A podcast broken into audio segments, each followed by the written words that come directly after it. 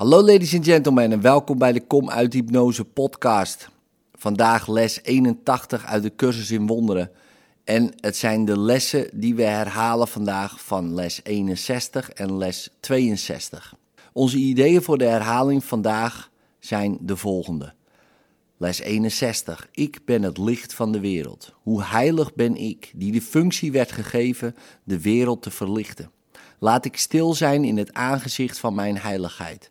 Laten al mijn conflicten verdwijnen in haar kalme licht.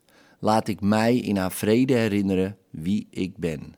Mochten zich bijzondere moeilijkheden lijken voor te doen, dan zouden enkele concrete toepassingsvormen van dit idee kunnen zijn: laat ik het licht van de wereld in mij niet verduisteren. Laat het licht van de wereld door deze verschijningsvorm heen schijnen. Deze schaduw zal verdwijnen in het aanschijn van het licht. Les 62.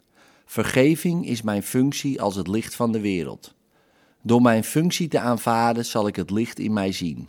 En in dit licht zal me mijn functie helder en volkomen ondubbelzinnig voor ogen staan. Mijn aanvaarding is er niet van afhankelijk of ik inzie wat mijn functie is, want wat vergeving is, begrijp ik nog niet. Toch vertrouw ik erop dat ik haar in het licht zien zal zoals ze is. Specifieke vormen voor het hanteren van dit idee kunnen behelzen. Laat dit mij helpen om te leren wat vergeving betekent. Laat me mijn functie niet scheiden van mijn wil. Ik zal dit niet benutten voor een wezensvreemd doel. In liefde, tot morgen.